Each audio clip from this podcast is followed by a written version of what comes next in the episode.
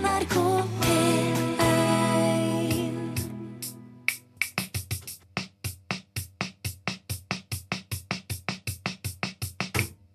Lyden av rytmeboks er lyden av utakt. Med godt humør på mandagskvelden ved Per Øystein Kvindesland og Bjørn Olav Skjæveland.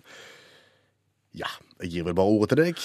Ja, og det er klart at vi skal begynne med den vitsen vi alltid begynner med, og i dag fordi at han er mer populær enn noensinne, faktisk. Han er mer aktuell på verdens festbord enn du skulle tro. Hvordan kan du si noe sånn om hattevitsen? Fortell du, allmennlærer Olav Hove med to vekttall i musikk. Jeg har konfirmant i år. Ingrid, som har vært innom her før. Hun eh, ble konfirmert på lørdag. Eh, Framfor henne sto det ei svær kransekake med masse smellbongbonger på. Og når eh, laget begynte å bli litt tamt, så trekte hun ut en bongbong. Smelta den, og jeg sto litt på avstand, og jeg så at her ble hun litt rar i fjeset. Lyste opp. Hun tok bretta ut vitsen og leste den til forsamlingen. Hattevitsen. Lo-forsamlingen. Om de lo, de ramla av stoler, og de tørka tårer. Ja, stemningen var vanvittig etterpå. Og det bare viser, hattevitsen er i omløp på festbord den dag i dag, og vi må selvfølgelig åpne med den. Nå kommer vinteren, og vi har ingen sommerhatt. Men hva skal vi med sommerhatt når vinteren kommer?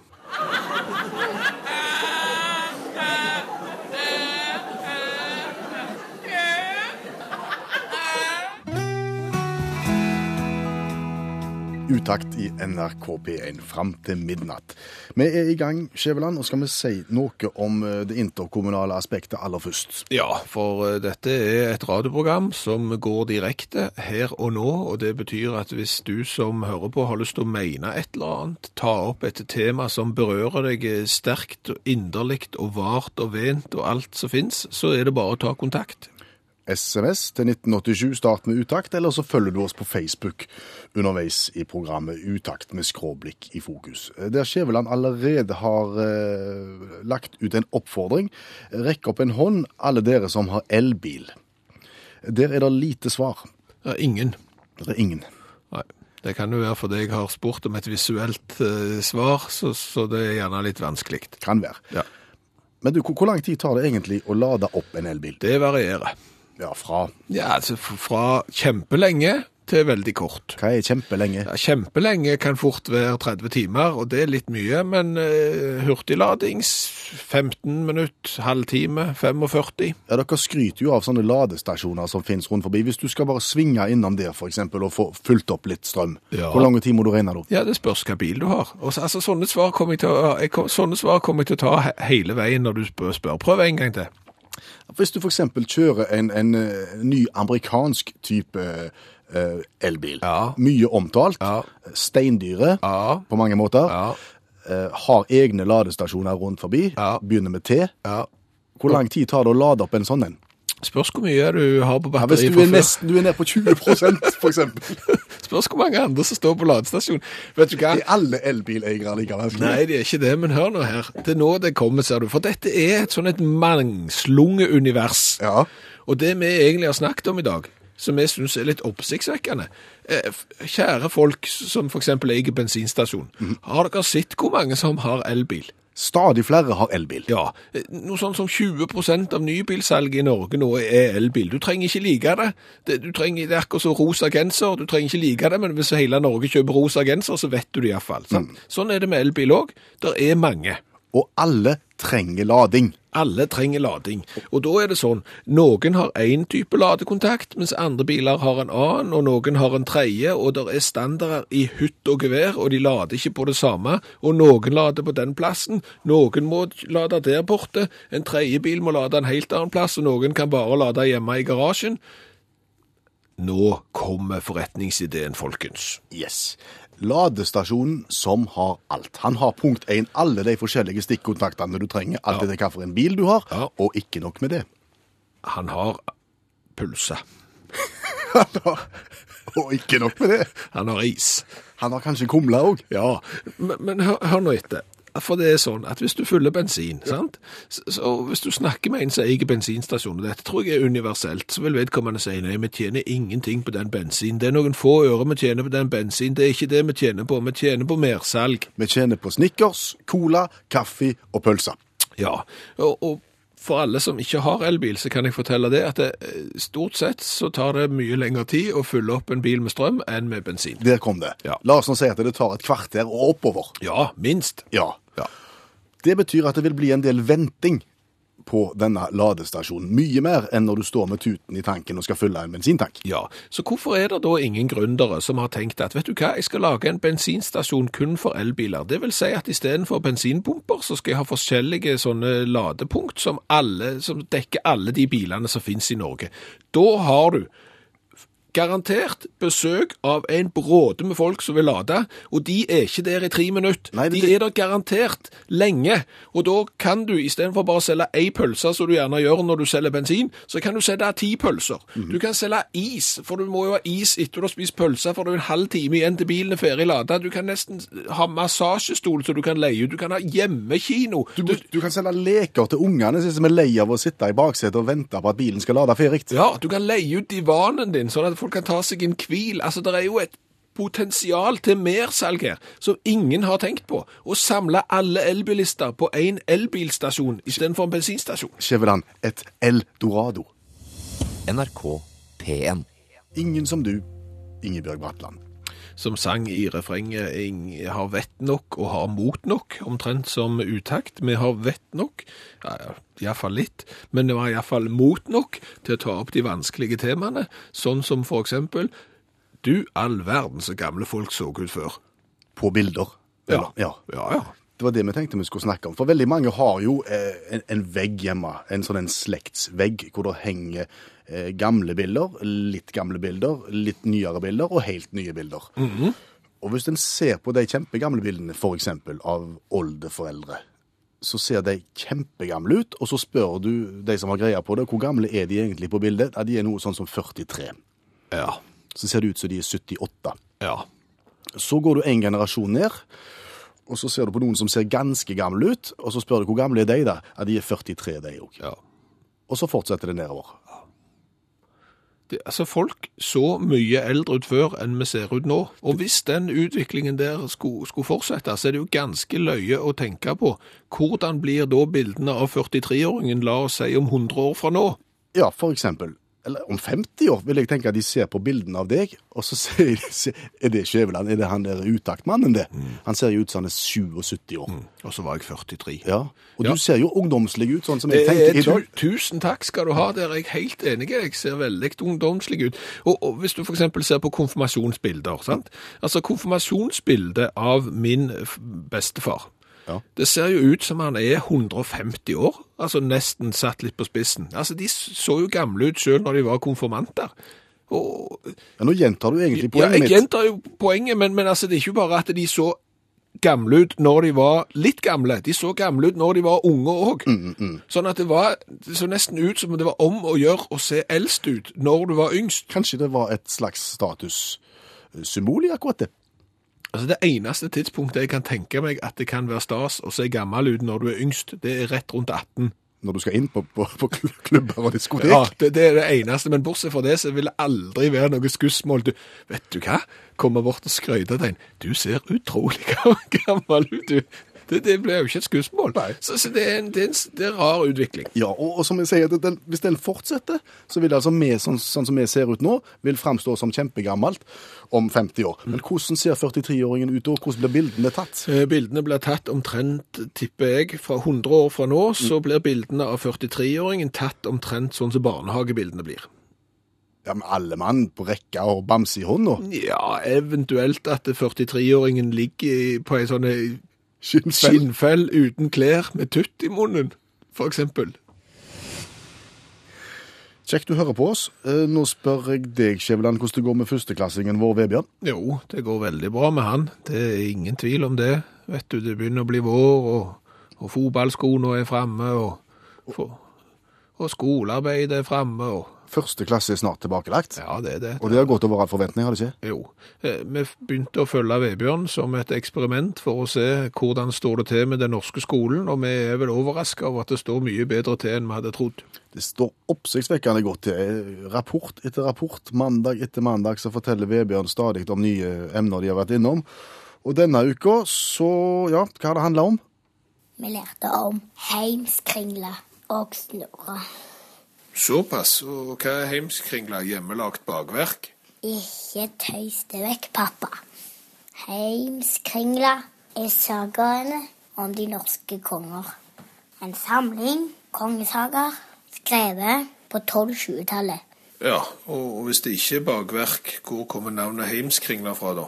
Det upresise, men populære kallenavnet heimskringla kommer fra de første ordene i verket. Kringla heimsins, som betyr den runde jordskiva. Altså verdens omkrets. Tøft.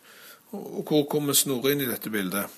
Det var han som skrev Heimskringla.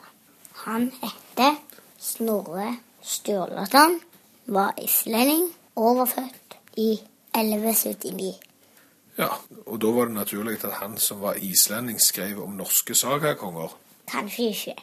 Snorre hadde vært i Norge i to år, fra 1218 til 1220.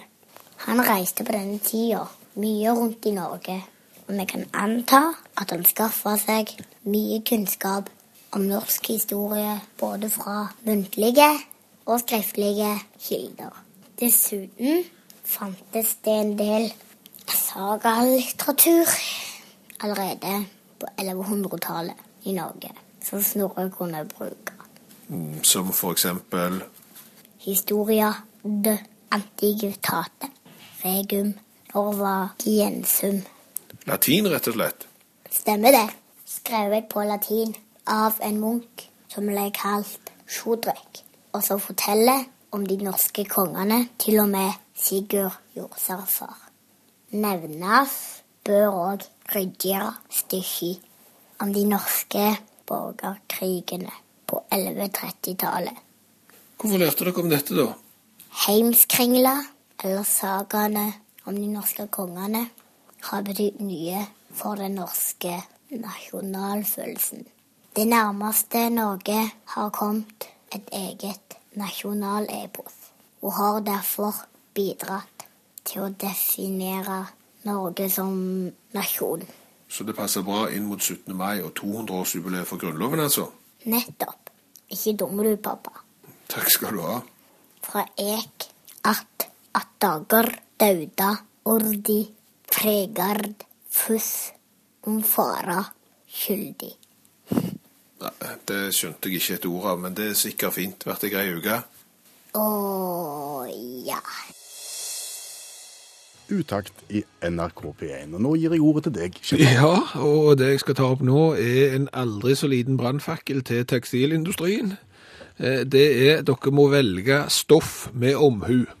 Når du skal produsere Ja, for så vidt når du skal produsere det aller meste, men kanskje viktigst når du skal produsere undertøy. akkurat eh, Er det en spesiell blanding, et spesielt stoff? Hva ser du for deg? Hva ønsker du? Hva, Jeg kan, jeg kan fortelle om utfordringene her, og jeg skal prøve å gjøre det så ja, kan si, fint som overhodet mulig, for dette er ikke, dette er ikke vakkert. Men mange har kanskje hørt eh, sangen 'Samme hvor mye du rister og slår, den siste dråpen i buksa går', og så er jo egentlig det en sånn flåsete greie, men så er det sant. Er det en kjensgjerning? Eh, Nesten. Snakker Alls... du på vegne av menn eller kvinner, eller begge deler? Eh, Nå kan jeg bare snakke på vegne av menn. Eh, damer kan jeg for lite om akkurat når det gjelder det. Jeg, de- foreningene jeg går i, det- blir ikke dette diskutert. Eh, men jeg kan fortelle det at når mannfolk trer av, så har det en tendens til at uansett hvor lenge du står, egentlig for å prøve å, å bli kvitt alt, så, så er det ikke sjelden at det er kanskje en ørliten dråpe igjen. Det sa du innledningsvis. Ja, da må jo den nødvendigvis havne i undertøyet. Ja. Og da må de som produserer undertøy, forstå at 90% nylon og 10% spandex, det er ikke særlig absorberende material. Nei, det er frastøtende material. Ja, altså, det, det er jo det nesten. Sånn at eh, dere må ikke lage undertøy av sånne stoff som det. Det er på nivå med silke òg, det. Det er ikke alle tiders. Det, det, det oppfyller ikke den funksjonen det skal ha. Nei. Har jeg misforstått litt nå? Ønsker du også at regntøy skal være av absorberende materiale, eller skal regntøy på en måte sørge for at, at fuktigheten ikke trenger inn? Det, det skal være at fuktigheten ikke trenger inn. Ja. Og, og, men for å si det sånn, du vil jo ikke ha undertøy der fuktigheten ikke trekker ut. Eller inn? Eller inn. Altså, poenget her er at det her har jeg gått på en alvorlig blemme. Og vi skal tilbake til når du og meg var på studietur i USA. Alle tiders billig med undertøy. Jeg kjøpte jo en halv palle, og det var jo sånn universell størrelse. De var så elastiske at ungene mine kan bruke de, og sikkert noen av de tjukkeste i hele verden kan bruke de. Du kjøpte de fra ei campingvogn i bakgata i LA. Ja, det, det gjorde jeg. Og, og, og det viser seg jo at de er av 90% nylon og 10% spandex, og, og den siste dråpen vil du ikke ha i akkurat den blandingen der. Så der må jeg bare si til alle som selger undertøy Ja. fra campingvogner i bakgater i Los Angeles, eh, finn på noe annet.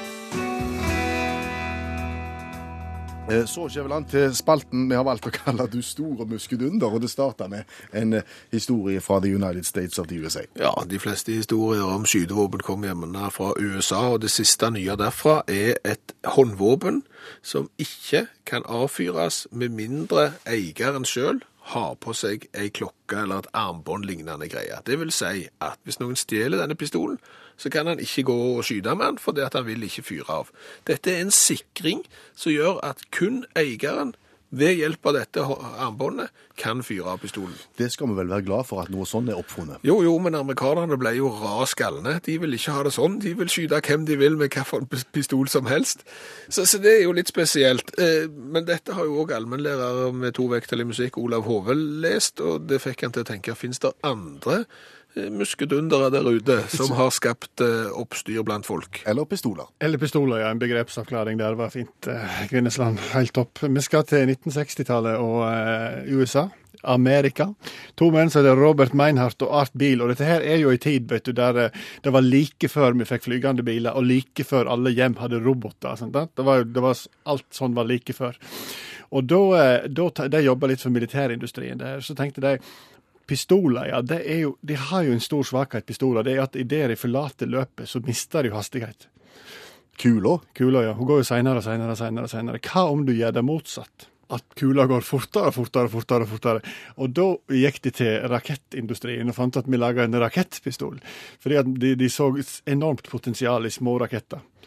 Jeg vet ikke hvorfor, men de gjorde iallfall det. Så de utvikla da eh, faktisk eh, rakettpistolen. Og det er det enormt mye fordeler. Lite smell, for de brukte ikke krutt. De brukte flybensin. Kjempefint. Ingen rekyl, eksempel, sånn som det er på pistoler. Altså den rykker bak. De var mye lettere. Du kunne bruke all slags sånne, du kunne til og med bruke plastikk, for det utvikla ikke så mye varme. Og mekanikken var mye enklere. Glimrende.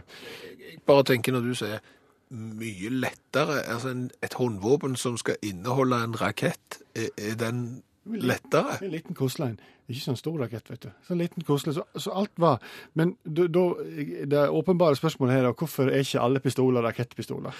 Nei, og, og, og du Vil du at sa vi skal stille det spørsmålet til deg? Ja, kunne du gjort det? Hvorfor er egentlig ikke alle pistoler av i dag eh, rakettpistoler? Olav Hove, allmennlærer med to i musikk. Det viste seg det at en oppsummering av minusene, så var det flere av de enn plusser.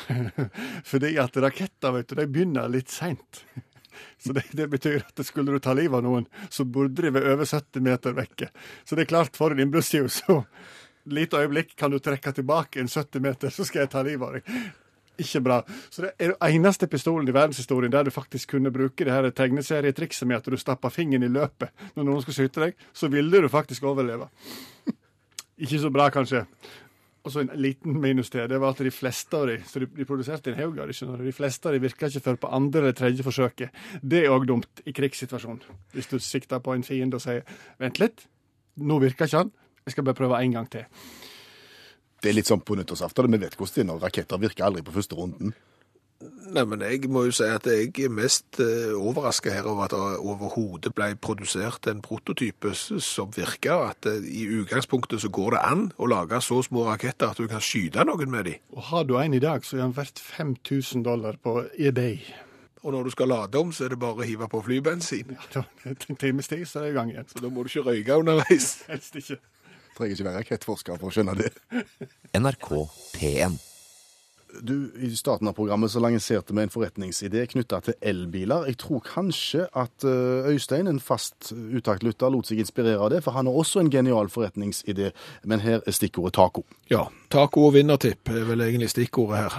Taco vet vi hva er. Hva er vinnertipp? Nei, det er sånn, så du, Hvis du ikke var så flink til å rulle rullingssigarett, så hadde du en maskin der du heiv noe tobakk oppi, og så dro du fram og tilbake et eller annet greier, så kom han ut med filter og, og det som skulle til. Ja, og Nå ser, for, ser Øystein for seg at det går an å kombinere taco, skjell eller tacolefser og innhold med vinnertipp-teknologien, og, få kjempetaco ut i andre enden. Ja, det, det, og vi ser jo altså, en litt overdimensjonerte vinnertipp eh, som gjør at du bare kan eh, dra i gang, og så får du en ferdig taco med filter ut i andre enden. Problemet til Øystein er at han, han får ikke til å fylle hva skal du si, skjellet eller, eller pannekaka riktig. Det renner over, det blir bare vas, det blir graps. Han ser for seg hvis du kan putte alt dette i en maskin, kjø- kjøre lefsa gjennom, så har du ferdig vinnertipp taco med filter. Vær så god, alle som har lyst til å prøve. Gå i gang og produsere en vinnertipp taco-dings.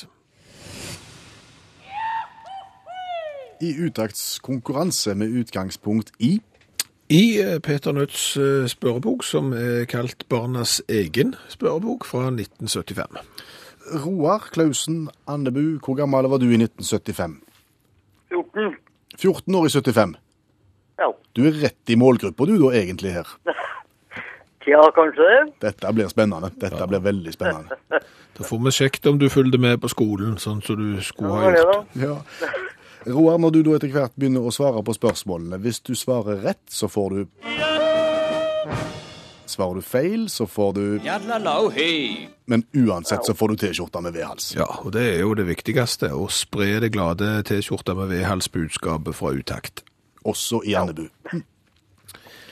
Ja, da er det vel egentlig sånn, eh, Roar, at du bare velger ei side i denne spørreboka, og den har en 60-70 sider.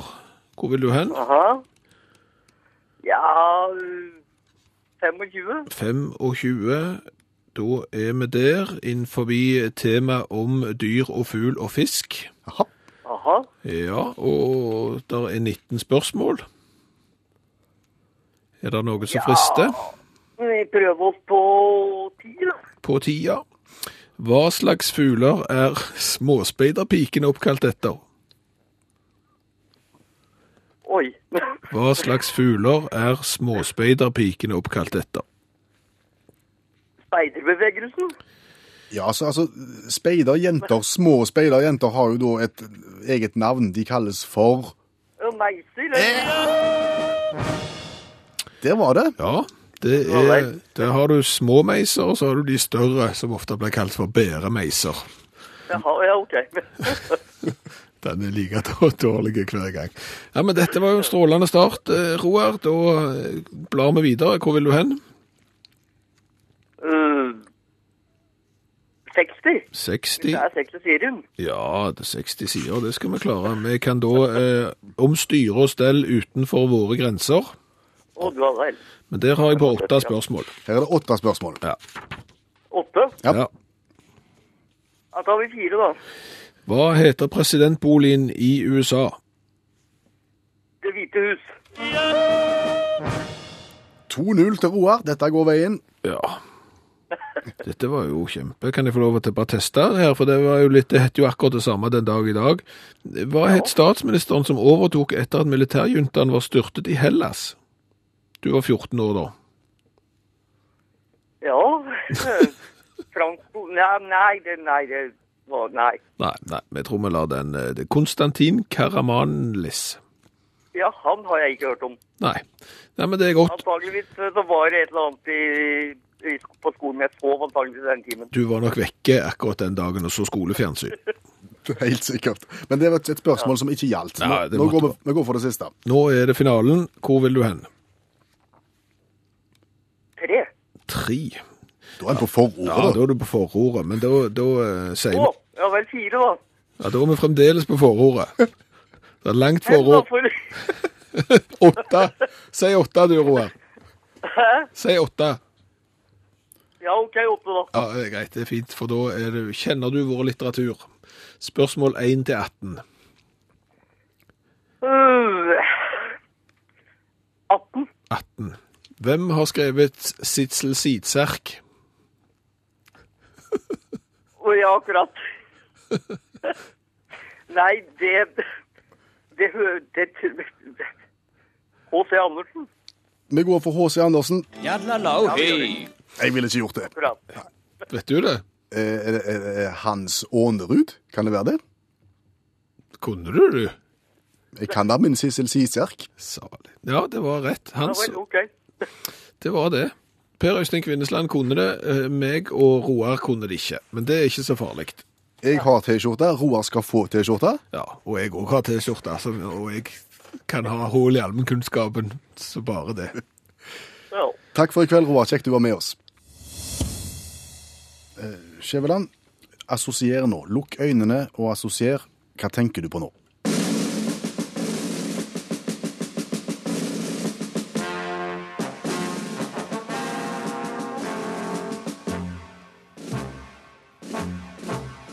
Hvor du går i li og fjell En vinterdag, en sommerkveld ved fjord og fossevell Nå kan du åpne det igjen. OK. Skal jeg si hva jeg assosierer? To nyutsprungne russ, og at de sang mye mer høytidelig før enn de gjør nå. Stikkordet var Russ. To nyutsprungne russ. i 20 graders pluss. Ja. eh, Det var jo landstreff for russen i helga på det stedet der jeg bor, eh, ofte kalt Ålgård. Populært kalt Kongeparken. Ja, gjerne sagt Kongeparken i Stavanger, og det er langt til Stavanger, så det er ikke sant. Men der var det 12 500 russ, og det kunne høres. Ikke Hørte du musikk, eller hørte du russerop? Hørte du stort sett hele døgnet, så var det en liten pause sånn mellom fem og seks på morgenkvisten, og så Hørte du ingen skikkelakke, skikkelakke? Nei, det var det jeg ikke gjorde. Er det slutt på skikkelakken. Nei, altså, vet ikke jeg. Men, men altså, russen har, etter det vi har grunn til å tro i hvert fall, et eh, slagord som er noe sånn skikkelakke, skikkelakke, show, show, show, bommelakke, bommelakke, bo, bo, bo. Skikkelakke, bommelakke, jazzbombø. Julekake, julekake, hjembakt brød. Ja, Du skal komme på det òg. du skal det. Og vi har prøvd å finne ut hva tid dette oppsto. Det har vi ikke funnet ut, og vi har heller ikke funnet ut hvem som eventuelt hadde røykt hva den dagen dette her ble unnfanga. Skikkelakke, skikkelakke, show, show, show. Det går greit i starten. Jo, men hva er skikkelakke da? Det er det motsatte av bommelakke, tror jeg. Og så kombinerer du skikkelakke og bommelakke, og da får du jazz. Bombe. Men så kommer julekake, og da går det fullstendig gale. Ja, så der er det nok noen som har røykt opp setene i russebilen sin, mest sannsynlig. Og funnet ut at de skulle lage et slags russelimerick, Ja. og så bomma de på det meste. Ja, eh, og ikke for å skjære alle russen under en kam, for det vil være urettferdig. Men eh, sett i lys av eh, landstreffet nå i helga, der er jo en og annen russ som smaker bitte litt på øl. Ja, Trenger ikke være mye, men bitte litt. Mm. Og vi vet jo det, at eh, med litt øl Når ølet går inn, så går vettet ut. Ja, eller når ølet kommer inn, så går diksjonen vekk. Og det er klart at når du da må forholde deg til, til skikkelakke, bommelakke, jazzbombe, julekake, julekake, hjemmebakt brød, Ja. det er bare én ting som nesten kan være verre, og det er jo ripsens ripsbusker og buskevekster og Ibsen og sånn. Så, så det er klart at her burde noen ha tenkt. Kan dette her egentlig være en slags alkotest fra gammelt av? At når han har vært bortpå og smakt litt på øl, som du sier, Ja. så kan han kjøre den ramsa der for seg sjøl. Og hvis en sliter, Ja. da er det nok. Da er det nok, ja. Det kan godt hende. Eh, vi vil vel egentlig bare si at eh, OK, det kan for så vidt få lov å bestå, dette uttrykket, og så kan vi alle forundre oss over hvordan det oppsto, hva de hadde tenkt, og at de syntes at det var en såpass god idé at dette vil vi skrive ned. Eh, Fotballtilhengere i England eksempel har jo løst denne problemstillingen på en litt annen måte enn det russen i Norge har. De gjør det på en måte noe enklere for seg sjøl og alle. Eh, De eh, velger da å synge stort sett alle tekstene med bare vokaler. Det er mye lettere enn å sause inn konsonanter, og du kan for så vidt ha smakt på øl en god stund, og så kan du.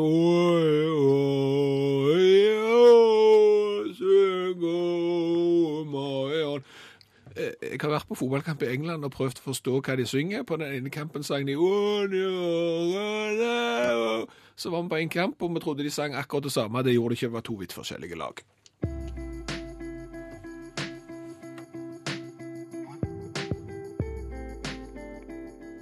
Men hvis noen har en idé om hvor julekake og jazzbommen og skikkelerken kom ifra, så er vi veldig mottagelige for innspill på det. Absolutt kjekt å finne ut av det. Og for en liten times tid siden så snakket vi om våpen. Vi snakket om pistoler, blant annet. Ja, og når du snakker om pistoler, så havner du fort i eh, USA, for der er de glad i de. Og i forbindelse med USA så kom vi over et korrespondentbrev forfattet av vår NRK-kollega Anders Tvegård, som holder til i the United States of the USA.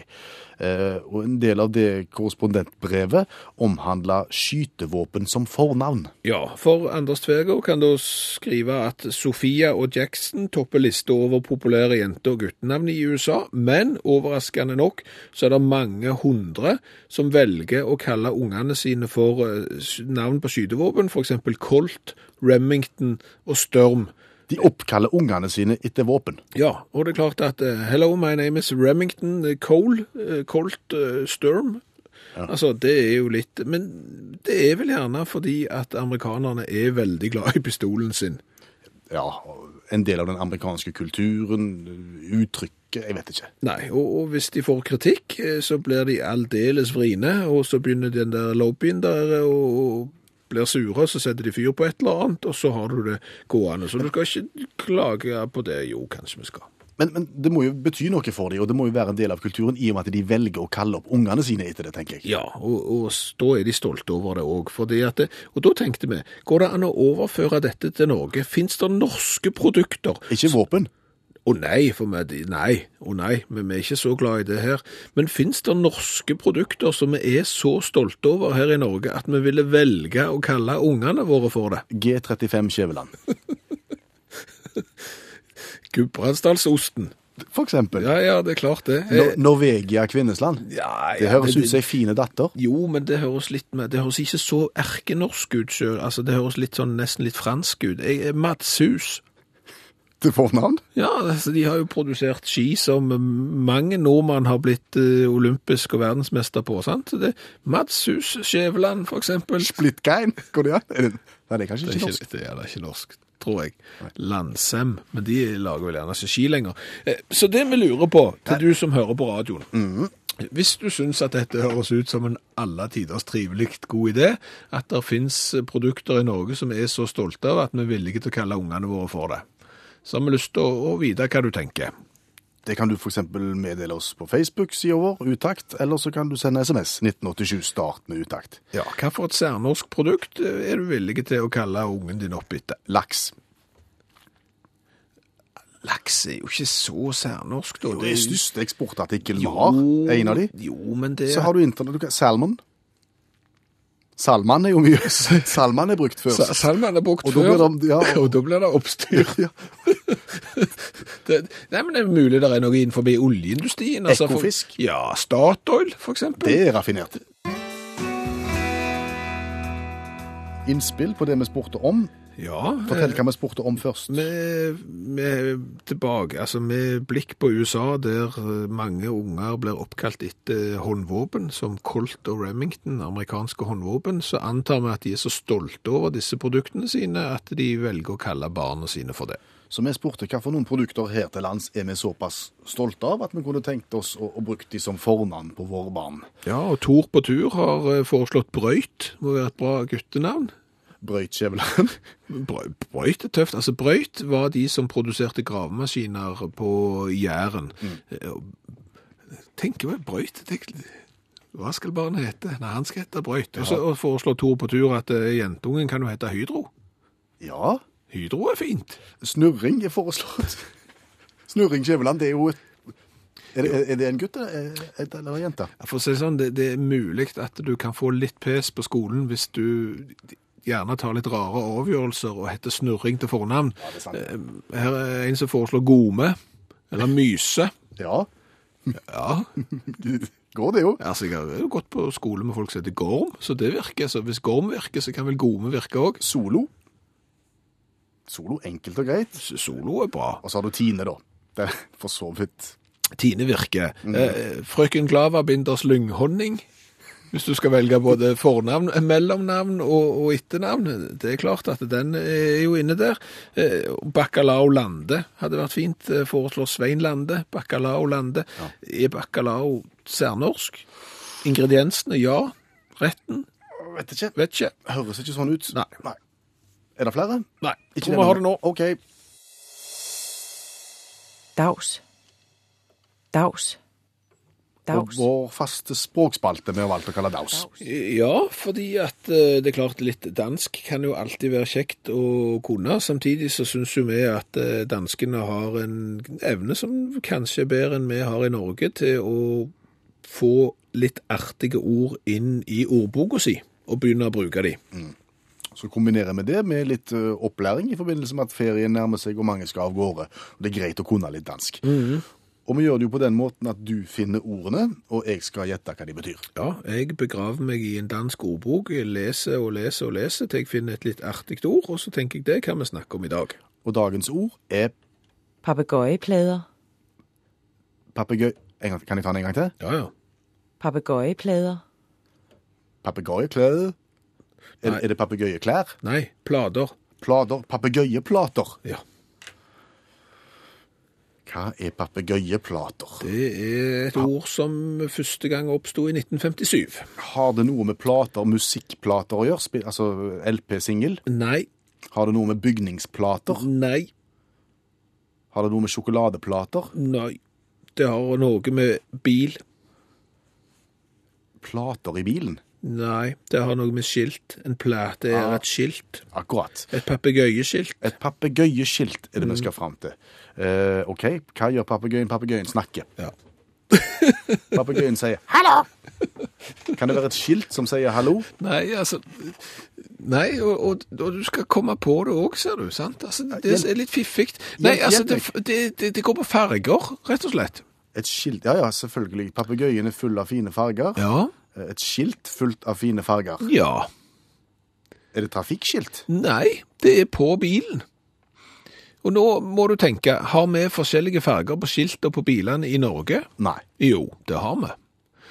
Vi har hvite, Jaha. og vi har grønne. Ja, ja, sånn, For eksempel. Sånn Diesel-skilt. Det er ikke et Diesel-skilt. Nei, Det- jeg vet hva du mener. Ja, det er det sånn er- næringsdrivende bil. Næringsdrivende bil, sant? Annet avgiftsforhold enn eh, de hvite skiltene. Og det har de for så vidt i Danmark òg, men i Danmark så har de noe som er enda fiffigere, ser du. De har bil som både kan kombineres til privatkjøring og næring. Så det, den er kledd i alle regnbuens farger, det skiltet Ja, den viser at du kan bruke den både på jobb og hjemme, og da har du en Papegøjeplader. Altså, Hvis du søker på papegøyeplater og vil se hvordan de ser ut, så er det for eksempel Altså, Jeg kan fortelle det at dette var noe som oppsto eh, sikkert på 50-tallet eller noe sånt. Eh, Og da Men så ble det avskaffa i 1970. Da ble papegøyeplatene forsvant. Og nå, i 2009, så har de gjeninnført de. Så nå er det halvveis gult og hvitt. Og Det betyr at du kan kjøre til jobb, være murer og ta deg en bayer, og så kan du kjøre hjem igjen, og så kan du ha hvitt skilt på bilen og, og kjøre ungene i barnehagen. Og hvis du skulle miste det skiltet, så ringer du bare til reiseradioen. Det er ikke undulatskilt. Dags. det var ikke undulat. Dags.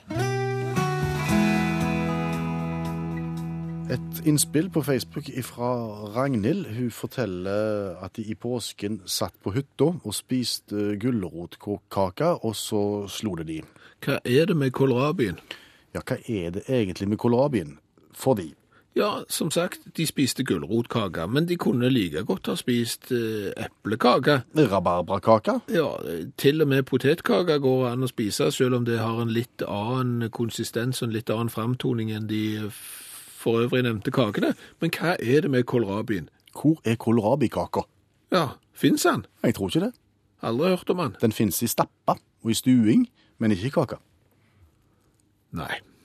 Og spørsmålet er jo, går, altså, Er det noen grunn til at kålrabien skal bli så aldeles misforstått av eh, kakeentusiaster at ingen har tenkt at vet du hva, kålrabikake er jo det du trenger i ethvert bryllup, eksempel. Neglisjert, rett og slett. Ja, for, for, forbigått. Hva, hva om vi fant fram oppskriften på ei uh, gulrotkake til neste program, og bare erstatte enkelt og greit gulroten med kålrabi? Ja, og, og nå har jeg vært inne og sjekka en sånn vilkårlig gulrotkakeoppskrift, og der står det at det skal være 5 dl revet gulrot. Ja, men Du kjører med 5 dl revet kålrabi, da. Ja, og det er klart at det blir det her en suksess, noe jeg tror at det kommer til å bli, så åpner jo dette muligheten for en hel haug med andre ting òg. Altså for eksempel rødbet. Har du sett den i, i festmåltid? Rødbetkaka? Rødbetkaka. Altså Rødbeter er dumt å få på T-skjorta når den er hvit, f.eks., men kan den være god som kake? Det er det jo ingen som vet. Ja, La oss ikke ta det for langt nå. La oss begynne med kålrabien, tenker jeg. Altså må du ta ta én grønnsak av, gang, av gangen. Ikke fem om dagen, men én om dagen. Ja. Nei, men da, Utakt tar mål av seg etter innspill fra Ragnhild og, være de første i Norge til å lage, gull, nei, til å lage kålrabikake. Og hvis det nå blir arrestert om at vi ikke er de første, så skal vi lage den allikevel. Jeg tror kanskje ikke vi oversetter det som Frank Zappa synger om i Bobby Brown Goes Down akkurat nå. Nei, hadde han vært på norsk, så hadde vi iallfall ikke spilt den på radio. Det er vel sikkert og visst.